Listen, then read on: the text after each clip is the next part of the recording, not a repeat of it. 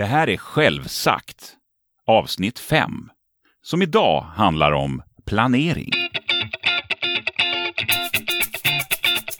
Självsagt är en podcast som handlar om att ha ett coachande förhållningssätt i livets olika utmaningar. Jag heter Magnus Andersson.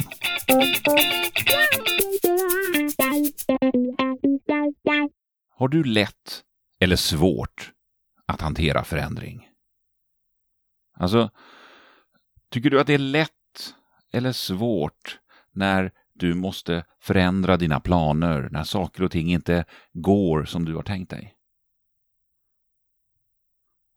Alltså, jag har länge och många gånger haft svårt att hantera förändring. Jag, jag har verkligen velat göra som jag har planerat. Har jag planerat någonting så, så, har jag velat göra det precis till punkt och pricka. Men jag har blivit bättre på det. Mycket bättre. Som tur är. För man brukar ju säga det, vi lever i en ständigt föränderlig värld och det enda som är konstant är förändring. Och andra sådana här floskler. Men, men det är ju sant också. Och Alltså vi kan ta ett exempel. Jag, jag var ju och eh, körde en tre dagars workshop förra veckan tillsammans med en eh, kollega som heter Mika.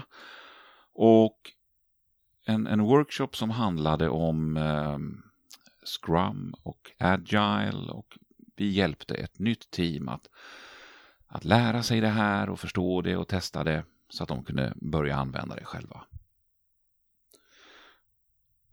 Och när vi planerade den där workshopen, då, då, eh, då planerade vi allt möjligt. Och vi planerade massor med olika detaljer och övningar och eh, olika typer av insikter vi ville att de skulle ta med sig. Och vi, vi, vi planerade liksom på en övergriplig nivå där vi tänkte att det här bör ju komma före det där andra. Så att det liksom blir en, en röd tråd. Så vi planerade både i detalj men också i grova drag. Och vi planerade ganska ordentligt. Men vi kunde ju inte veta om våra planer skulle liksom funka egentligen. För vi är beroende av hur många personer som verkligen dyker upp. Vi är beroende av att veta hur ser de här liksom, rummen ut som vi ska vara i? Finns det många bord eller finns det mycket golvyta? Finns det väggar att sätta upp saker på? Och ja, det, det, kan jag ju säga att det blev en överraskning när vi kom dit. Alltså jag hade ju med mig massor med olika så här stora papper och flipcharts. Ja, ni vet sådana här eh, stora blädderblock. Eh, som jag hade tänkt jag skulle sätta upp på olika väggar för att liksom visa och illustrera olika saker. I, I det första rummet vi kom, alltså där var ju nästan bara fönster. Och på en vägg var det en jättestor TV.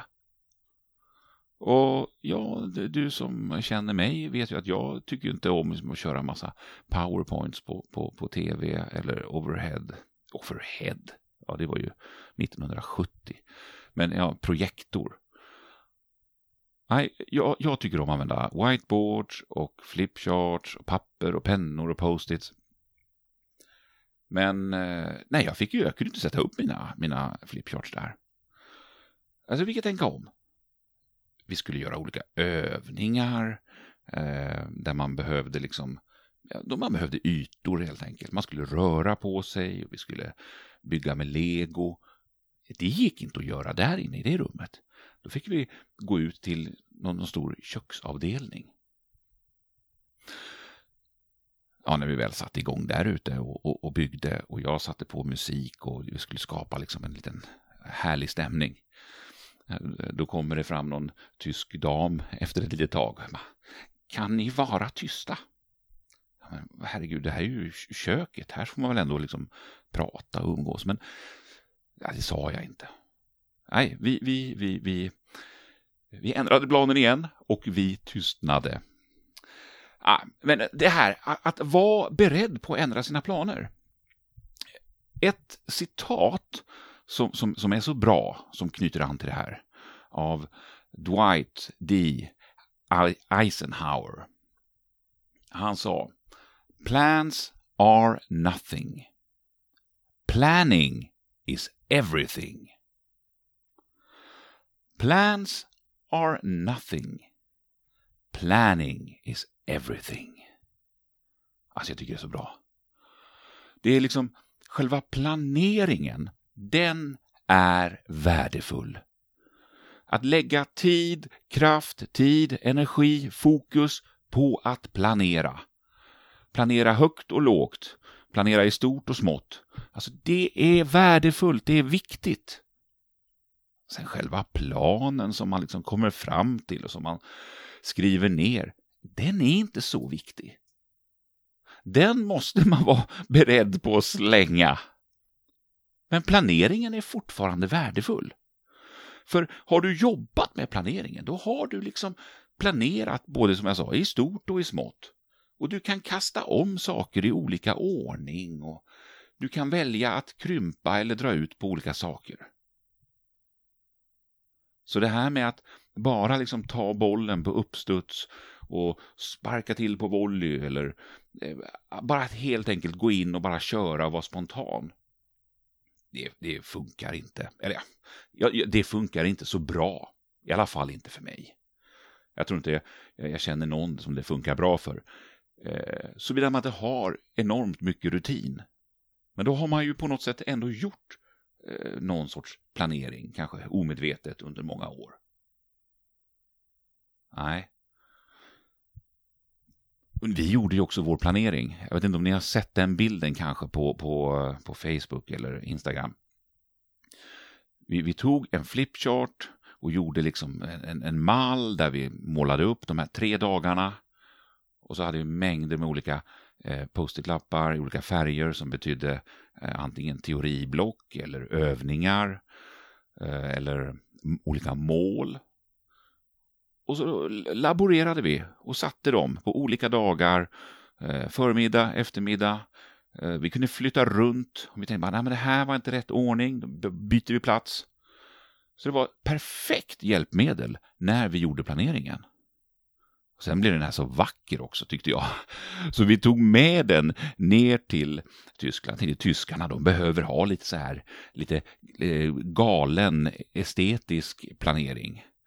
Eh, mina fördomar där kanske, att de är lite väl fyrkantiga. Men det var de inte. Men det som var så bra med när vi tog med den här eh, flipcharten med planeringen, det var ju det att, ja men som sagt, de här rummen, ja men de passade ju kanske inte riktigt för det som vi hade tänkt. Eh, fick man planera om lite grann. Och så upptäcker man ju också, som alltid, att eh, tidsuppskattningen stämmer ju inte riktigt. Vissa saker tar längre tid och vissa saker går snabbare. Så vi kände ju både inför dag två och inför dag tre, ja, men då, då, då tittade vi på den här planeringen och så tittade vi, har vi, har vi hunnit med allt? Här fick vi flytta lite, flytta runt och det var ju jätteenkelt att göra det på, på den här med hjälp av post-it-lapparna. Snabbt och enkelt bara planerar vi om. Och i och med att man gör det så visuellt också, och vi var två personer, så ser vi båda två exakt hur den andra tänker och vi ser också hur det passar in rent tidsmässigt. Ja, om nu tidsuppskattningen stämmer förstås. Ja, men det, det är mitt eh, bästa tips just nu alltså. Använd liksom eh, stora papper och använd post-its och planera liksom visuellt när du ska liksom ha ett möte eller du kanske ska ha, ni ska ha en kick-off eller en workshop eller någon typ av projekt. Det ska vara enkelt att planera om. För som Dwight D. Eisenhower sa Plans are nothing. Planning is everything.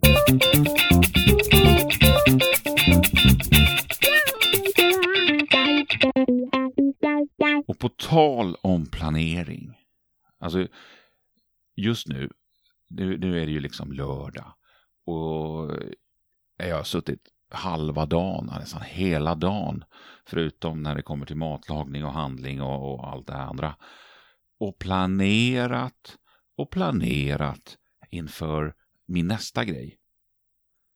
För på, på tisdag nästa vecka, då åker jag till Karlskrona, till en skola som heter Hyper Island. Men det är väl också ett av de häftigaste namnen på en skola.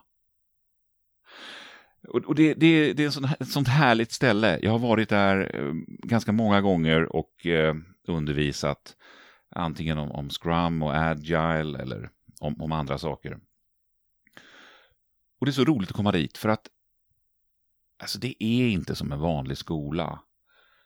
De här som går där, de, de är engagerade, de är vana att jobba tillsammans, samarbete, de är, de är vana att prata, ta en initiativ, de är engagerade, de är kreativa.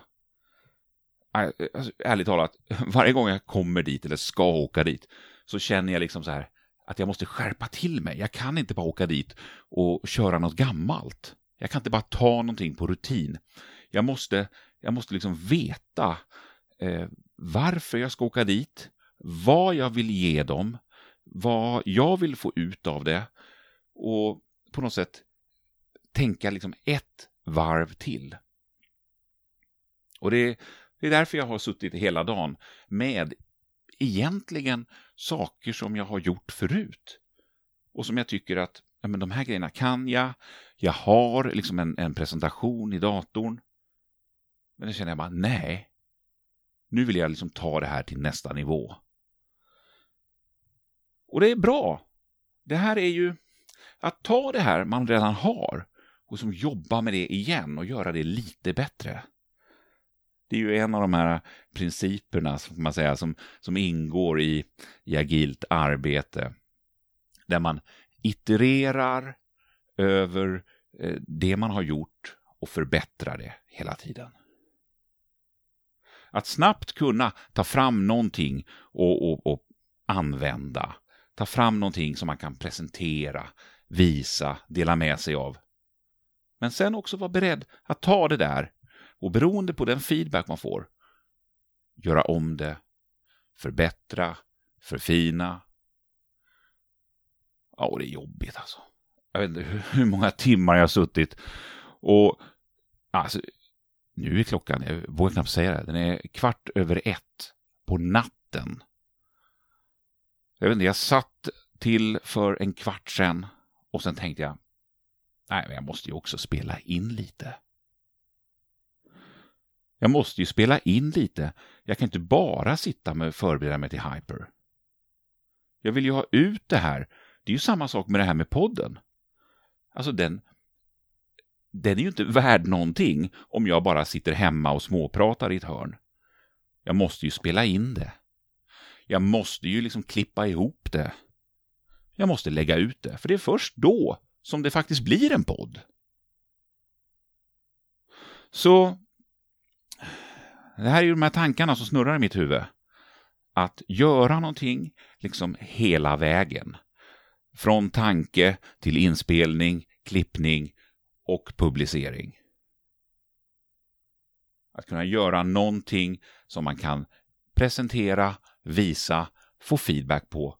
Någonting som man kan lära sig och bli bättre. För att sen förfina nästa gång.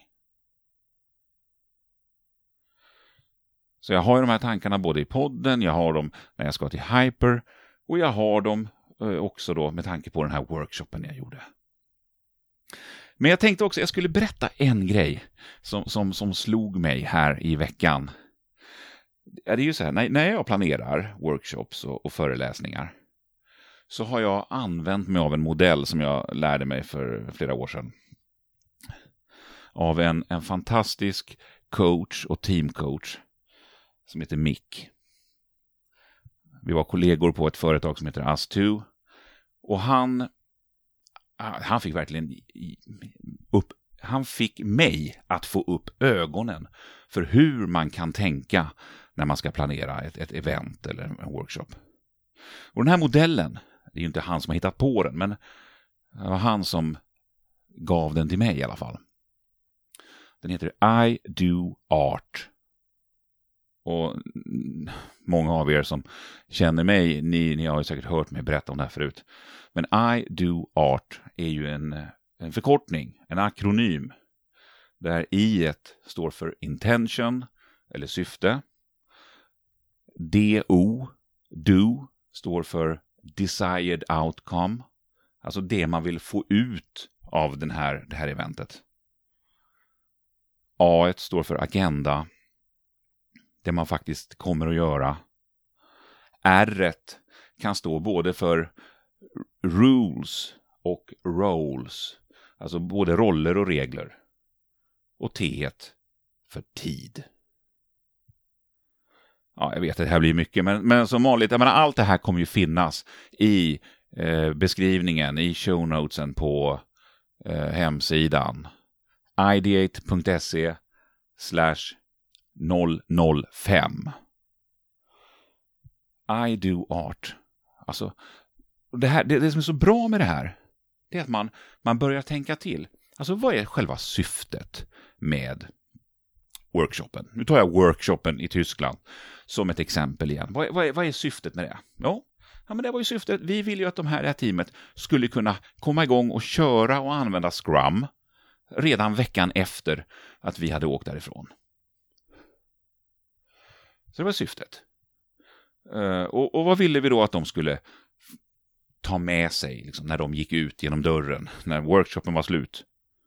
Ja, men då ville vi de skulle ha fått eh, en insikt i vad agilt arbete, agila principer, ett agilt mindset, vad det är för någonting. Eh, de skulle också ha fått en, en, en hyfsat god kunskap om hur man kör Scrum. Och Scrum är ju en, ett ramverk som ingår liksom i det här agila paraplyet. Det finns andra typer av liksom modeller som också som man kallar agila. Men Scrum är ju en av dem.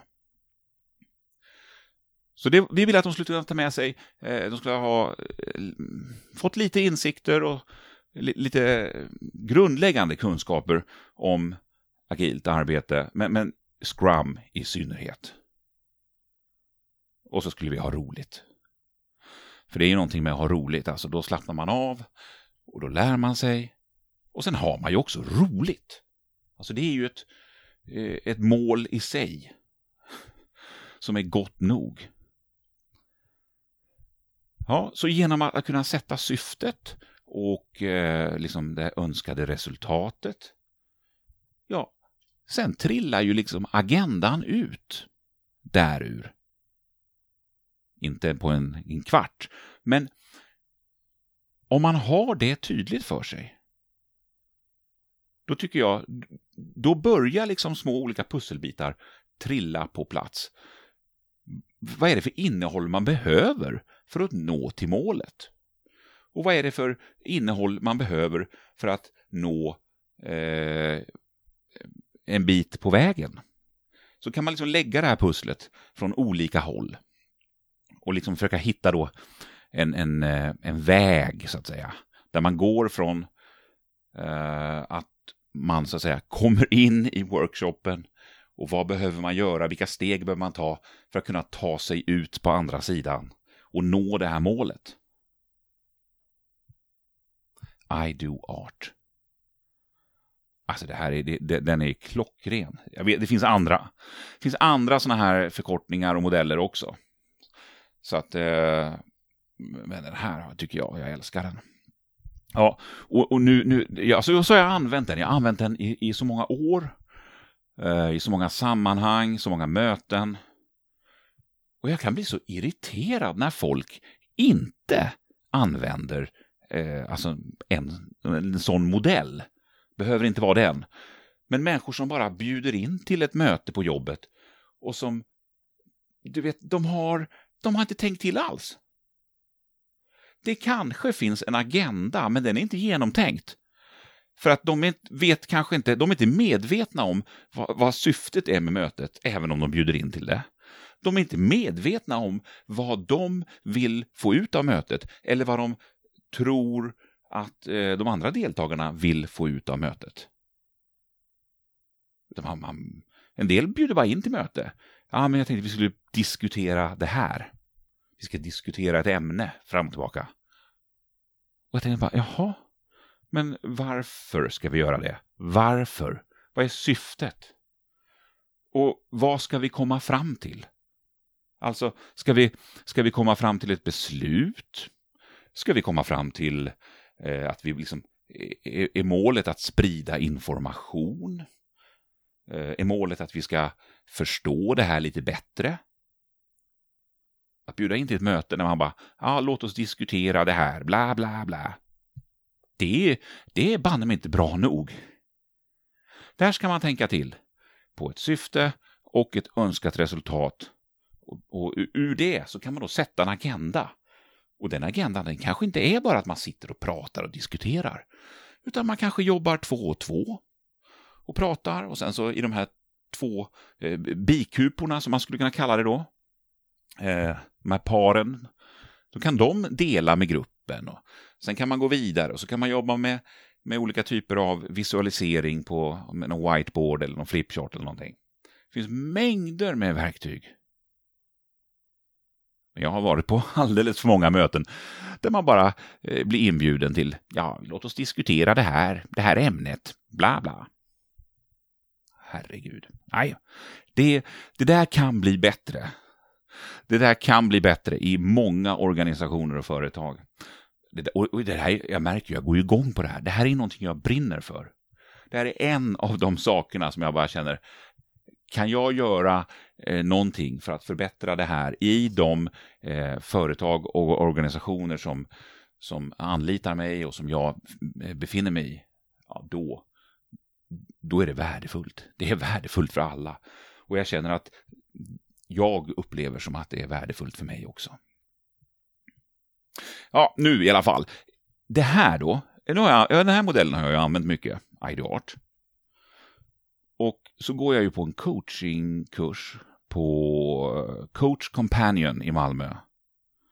Vilket är, alltså om du funderar på att gå en coachingkurs, så kolla upp dem. De finns i Stockholm också. Och i Finland och Sydafrika av alla ställen. Ja. Jättebra kurs. Men så är det ett moment där i den här kursen som, som eh, jag har stött på tidigare, i en tidigare kurs jag gått. Uh, som heter coach, coachingöverenskommelse. Det är en av de elva kärnkompetenserna eh, inom ICF. ICF är en förkortning för International Coach Federation, vilket är liksom, jag tror att det är världens största certifieringsorgan för coacher. Och de har liksom definierat 11 stycken kärnkompetenser som är, eh, ja, de här elva kärnkompetenserna, genom att, att arbeta med dem, utforska dem och bli bra och duktig på dem, då, då har man mycket kompetens sen när man ska gå ut och coacha andra. Och en av de här heter alltså coachingöverenskommelse. Och det här är någonting som jag, jag, vet inte, jag, har, inte, jag har tänkt att det där är väl ingenting. Det finns andra kärnkompetenser som jag tänker är riktiga kärnkompetenser. Coachingöverenskommelsen, den kändes inte som en kärnkompetens. Jag har uppfattat den mer som en lite mer så allmän, bra att ha-kompetens. Alltså, ingen kärnkompetens. Men det har jag insett att det är ju helt fel. Och den här coachingöverenskommelsen, den, den kan man, eh, alltså, den kan man, man kan säga att den finns i två varianter. Man har en skri, skriftlig överenskommelse med sin klient som är jättebra att ha så att man verkligen vet innan man sätter igång. Vad är det här för någonting? Vad är det vi ska göra? Vad är det för mål vi ska uppnå? Varför gör vi det här? Varför vill du ha coaching? Och, och, och vilken mål har du? och också vad man har lite kanske regler och eh, guidelines för hur det här ska gå till och vad man inte ska göra och hur man ska göra. Jag har sett det här som ren formalia. Men jag börjar inse att det är jättebra. Och dessutom så är det ju faktiskt så, om man tänker till, så har jag ju faktiskt nu de senaste tio minuterna pratat om hur viktigt det är att veta det här varfret. Varför rätt? Why? Syftet. Och hur viktigt det är att veta vad man har för mål. Vad man har för önskat resultat. Eller hur? Och det är ju det coachingöverenskommelsen handlar om, bland annat. Och det som slog mig nu i veckan, det är att alltså, den här skriftliga coachingöverenskommelsen, den här, den, den, det är som ett kontrakt nästan. Det skriver man och det har man, det sätter man upp i början. Sen kanske man jobbar ett halvår tillsammans. Men sen har man också så att säga en muntlig coachingöverenskommelse. Alltså man har en liten muntlig, eh, enklare, kortare överenskommelse inför varje samtal. Och det har jag också tänkt, så här, bara ryckt på axlarna och tänkt, men det är väl kanske inte, hur viktigt är det? Ja, ni hör, jag avslöjar ju min inkompetens här, men, men eh, och samtidigt, jag har ju lärt mig. För nu fattar jag hur viktigt det är. För jag kan säga, jag har ibland i vissa coachingsamtal känt att uh, jag, jag blir osäker. Jag känner att jag tappar riktningen, jag tappar farten. Jag blir liksom osäker på vilket verktyg jag ska använda i, i, liksom, i olika givna moment under samtalets gång. Ibland går det jättebra och ibland känner jag bara, nej, nu, eh, jag behöver en kompass. Jag behöver en, en färdriktning. Och då är det ju så här, va, att det här, den här muntliga coachingöverenskommelsen, det gick ju upp världens ljus för mig. För att den handlar ju om I do art.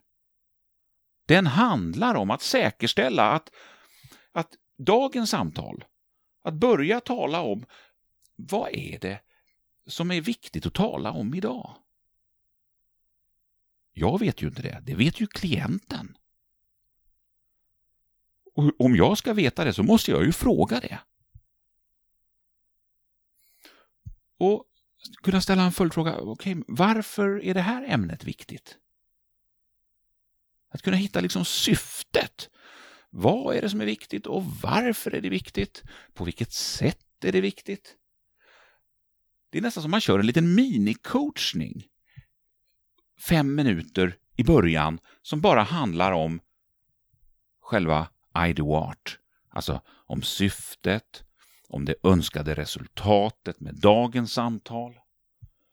Och ja, man kanske inte sätter upp någon agenda och, och rollbeskrivning och, och, och, annat. Men just själva syfte och önskat resultat. Att liksom coacha kring de två frågorna och verkligen fokusera och koncentrera det till vad, vad är viktigt just nu i ditt liv? Vad vill du ha ut av det här samtalet om en timme? Var vill du vara då? Varför? Vad händer då när du har uppnått det? Alltså ställa typiska eh, kraftfulla frågor, öppna frågor, utforskande frågor för att ta reda på det här. Och det här är väl kanske helt självklart för, för många som lyssnar. Och jag tycker också, när jag, nu när jag hör det, så tycker jag också att det är helt självklart. Men ibland är det som att man är ju, man säger jag, jag ska säga jag, ibland är det som om jag inte riktigt vill fråga. För att jag tänker att, ja men det här borde jag kanske redan veta om jag frågar, ja, men då, ser, då verkar jag ju dum. Känner du igen det?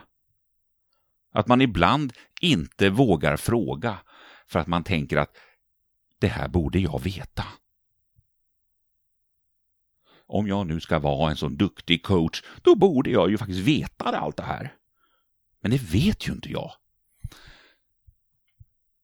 Och jag tänkte också att jag, jag, jag ville berätta om det här i podden, för jag tycker att det är så häftigt att det knyter an, alltså även coaching-samtalet eh, har ju liksom precis samma formel som man har när man planerar en workshop, eller planerar ett möte, eller planerar ett projekt.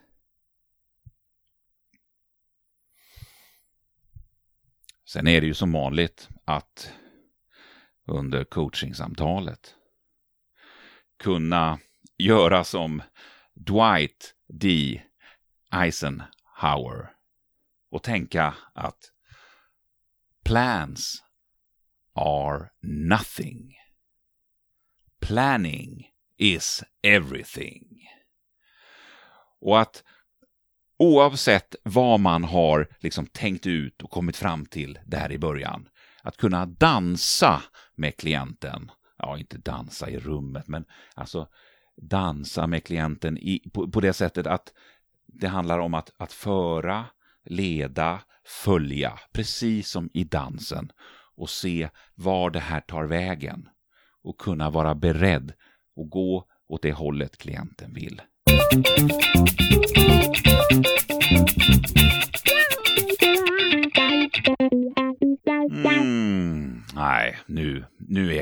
Halv två på natten. Nu tar jag och avslutar det här, går och lägger mig och bara njuter av att jag faktiskt har jobbat hårt med planering idag. Plans are nothing. Planning is everything. Mm, det får väl ändå vara liksom, eh, vad ska man säga, den röda tråden i det här. I, i, i dagens eller veckans podd. Jag ser fram emot att åka till Hyper, Hyper Island på, på tisdag. Och på något sätt väva ihop mina erfarenheter från eh, dels från Tyskland, från den workshop, workshopen och från de erfarenheter jag gjort på mina senaste olika uppdrag som agil coach. Och på något sätt, ja, även faktiskt från, från, från min, mina coaching-erfarenheter. Och jag tänker banne mig också väva in lite grann från, från mina erfarenheter från stand-up comedy. Jag tycker att det, det, det, det blir bäst när man kan försöka väva ihop de olika delarna i sitt liv och, och försöka se den här röda tråden som går genom alla de här olika ämnena så finns det ändå en röd tråd. Och en av de röda trådarna är ju att, eh, lite grann som jag var inne på i början, att kunna planera någonting, att genomföra det hela vägen så att man kan presentera det, man kan visa upp det och man kan få feedback. Att kunna göra det och jobba iterativt och ständigt lära sig, få feedback, utvecklas. Det är någonting som går igenom alla mina workshops. Det går igenom mina tal, det går igenom min stand-up. Och det är på något sätt coaching för mig själv att göra det. Det ska jag ta upp på tisdag.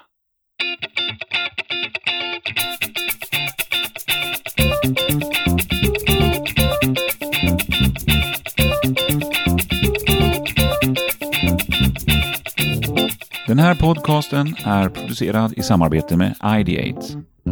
Information och länkar hittar du som vanligt i beskrivningen och på hemsidan www.ideate.se.